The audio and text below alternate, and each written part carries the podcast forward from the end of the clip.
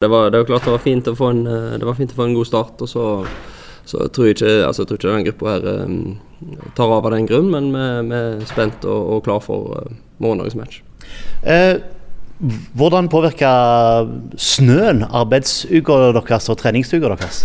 Ja, vi reiste jo til Vi valgte å reise vekk eh, til Bø i, i, Telemark og trente i Telemarkshallen. Eh, så det ble jo litt sånn litt styr på forhånd. Ikke for spillerne, men for, for oss som måtte hive oss rundt. Og, og så, så, ble det jo for spillerne når de måtte ut av um, Altså reise på kort varsel og skulle være vekk i, i, to netter og, og, trene der i tre dager. Så, men, um, men, det ble jo en kjempetur, da. Det, altså, det ble jo et strålende forhold og, og, og forutsigbarhet i hverdagen. Og, og kommer nok tilbake som en, enda mer sammensveisa gruppe, så, så vi er fornøyd med den turen. da.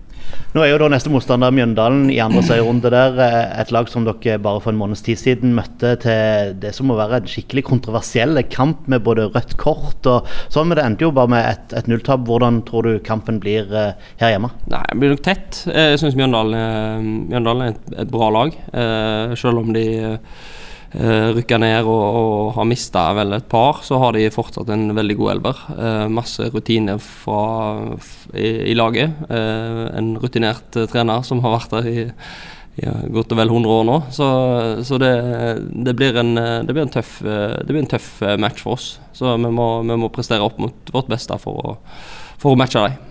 Ja, og Hva slags kamp tror du det blir der ute? Nei, Jeg tipper nok du vil få se en Mjøndalen som har endra stilen sin ganske dramatisk i forhold til det folk egentlig betegner de som. Eh, de er nok mye mer orientert på å klare å holde ballen langs bakken enn det de har vært uh, før.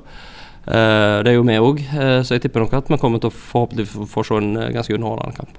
Og Har dere satt litt bånd på Vito Wormgård, så ikke han uh, mister hodet i denne kampen òg? Nei, han er jo suspendert, så vi får bare holde han, uh, får bare holde han innendørs. Nei da, Vito er det er jeg ikke bekymra for. Det er absolutt ikke noe trend i, i, hans karriere på noe som helst måte. Han har jo knapt fått røde kort i sin karriere, så, så nå er det siste kampen Vito er ute. Så først og fremst gleder vi oss til å få han tilbake igjen. Uh, og så kommer han nok til å støtte laget maks i denne kampen her òg.